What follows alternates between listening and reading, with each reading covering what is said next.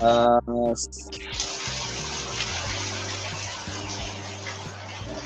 Oke, halo teman-teman semua, selamat malam. Gue Tio. Kali ini gue lagi bertamu di podcast Rais nih. Eh, lagi nemenin dia ngobrol malam santuy. Oh, gimana is? Gimana is? Mau ngobrol apa ya? ya, selamat malam saudara Tio. Terima kasih sudah mau bergabung di podcast saya. Wih, Nah, kali ini gue pengen ngomong ini ya soal prinsip hidup. Itu yang paling simpel prinsip hidup tuh apa? Min? ya menurut gue sih prinsip hidup yang paling simpel ya lu rajin aja bekerja. Enggak, enggak, enggak. Serius, serius, serius. Prinsip hidup gue eh, jujur, adil dan makmur. Itu termasuk prinsip.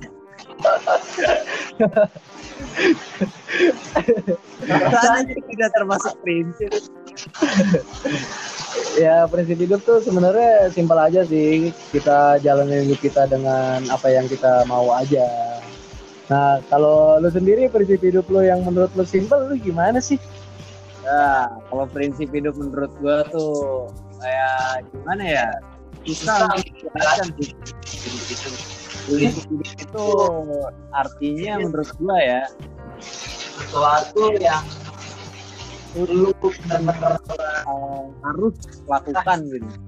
Kayak misalkan prinsip lu tidak memakai sampai untuk selamanya. Ya itu bisa. Itu termasuk prinsip. asik berarti eh, kayak keinginan tetap gitu prinsip bukan sih Ah, iya, suatu keinginan. Nah, Suatu keinginan apa itu? Em, menurut lu ada nggak sih prinsip hidup yang menurut lu konyol? ada apa ya tapi ya Eh, naik motor sambil tiduran. Enggak sih. Enggak sih itu bukan prinsip hidup. Prinsip hidup yang konyol itu gue pengen jadi ustadz. Ah, tapi gak kesampaian. Itu bukan prinsip hidup Kita-. Cita-cita dong. apa ya maksudnya Hidup yang konyol itu kayak gini. eh, kayak lu main suatu game sampai nggak pernah tidur. itu bisa jadi hidup yang konyol. banyak. Nggak cuma satu atau dua orang yang melakukan uh, prinsip yang konyol. itu. Untuk mereka jago dalam bermain game itu menurut gue sih ya, bagus juga. Asik. Ngobrol-ngobrol suka eh, game nih. Lu biasanya gimana sih keseharian lu tentang game pergaman itu? Ya game itu cuma having fun doang Asik. game itu buang-buang waktu kalau kalau waktu lu banyak Asik. dari daripada nggak di tidur kan Mhm. main game aja Berarti waktu lu lagi banyak nih ya. oh, Mantap. Pengangguran gimana Pengangguran kakap. iya ya. ngomong soal ini deh ya, lo kan kan salah istilahnya udah Ya. bangun usaha bangun um, itu apa sih yang jadi tujuan bangun kopi kenapa? Harus tempat kopi kenapa? Tempat juga Asik. tempat ini. Eh, oke.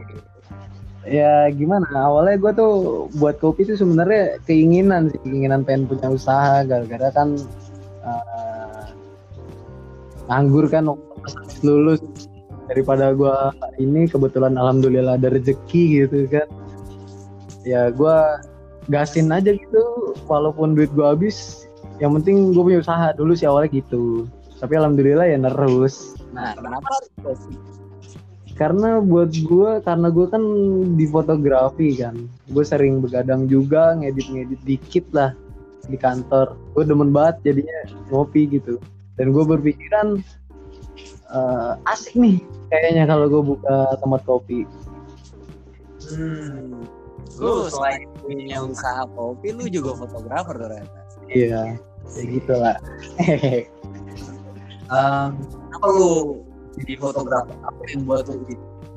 awal-awalnya tuh gue dari SMK kan multimedia ya terus gue ada tugas dan tugas itu harus banget gue punya kamera nah dari tugas itu gue bela gue belajar kan gak mungkin dong tuh video doang akhirnya gue belajar foto sambil belajar belajar dikit ya walaupun hasilnya jelek nah terus dari foto-foto itu gue moto-moto dan dilihat lah eh, sama salah satu vendor di Jakarta Nah dari Jakarta itu nama gue mulai naik dan ternyata di keluarga gue tuh om gue tuh punya vendor juga gede di Bandung ternyata.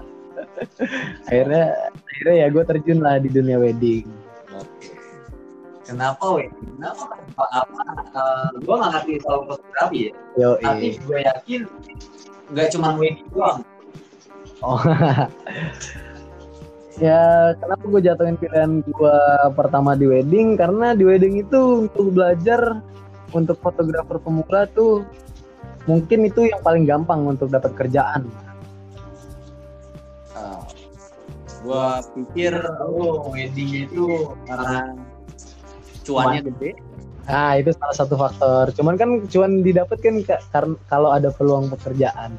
Dan Ah, untuk wedding itu eh lu ke klien lu tuh nggak mesti dari orang lain dari saudara pun bisa kayak misalkan eh, nikahan om lu, sunat sunat sunatan saudara lu gitu kan. Oke. Eh, selama lu fotografer di wedding itu ada hal menarik ya? banyak sih hal-hal menarik kayak gua kan seneng tuh kalau kalau karya gue tuh dihargain sama orang lain kan apalagi kan kalau di wedding tuh kan karya lu dikenang seumur hidup nah itu tuh menurut gue salah satu hal menarik yang membekas lah di hati Ada pride ya. Yoki pasti Tapi, Tapi ada pernah nggak sih ngalamin suatu kelucuan pas saat di wedding gitu.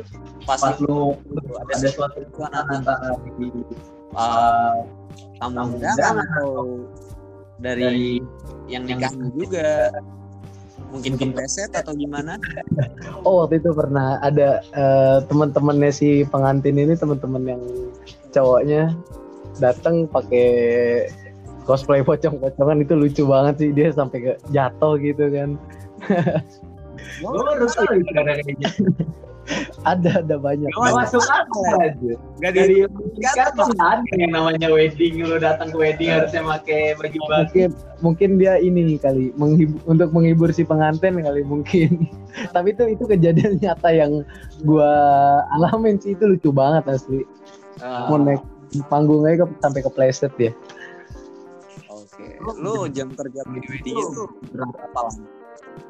Ya standar wedding-wedding di gedung paling 8 jam, tapi tergantung juga sih kalau kayak ada after party ya kita kadang-kadang sampai malam, dari pagi sampai malam, ada yang dari pagi sampai siang, ada yang dari siang sampai malam gitu. Nah, prinsip lu di wedding itu apa sih? Ya gue pengen jadi fotografer terkenal. Ah, Kalau kalau prinsip mendiriin kopi, Sebenarnya gue dirin kopi tuh pengen gini, exposure itu gue pengen sebenarnya pengen ngedirin restoran sih. Cuman gue startupnya dari kopi. siap coffee shop. Ya target target utama tuh sebenarnya restoran. Oh, Oke. Eh, Eh, sampai sampai dulu kita kita di sini. di sini kita lanjut lagi. Oke oke, thank Oke. you. Thank you. Thank you. Bye.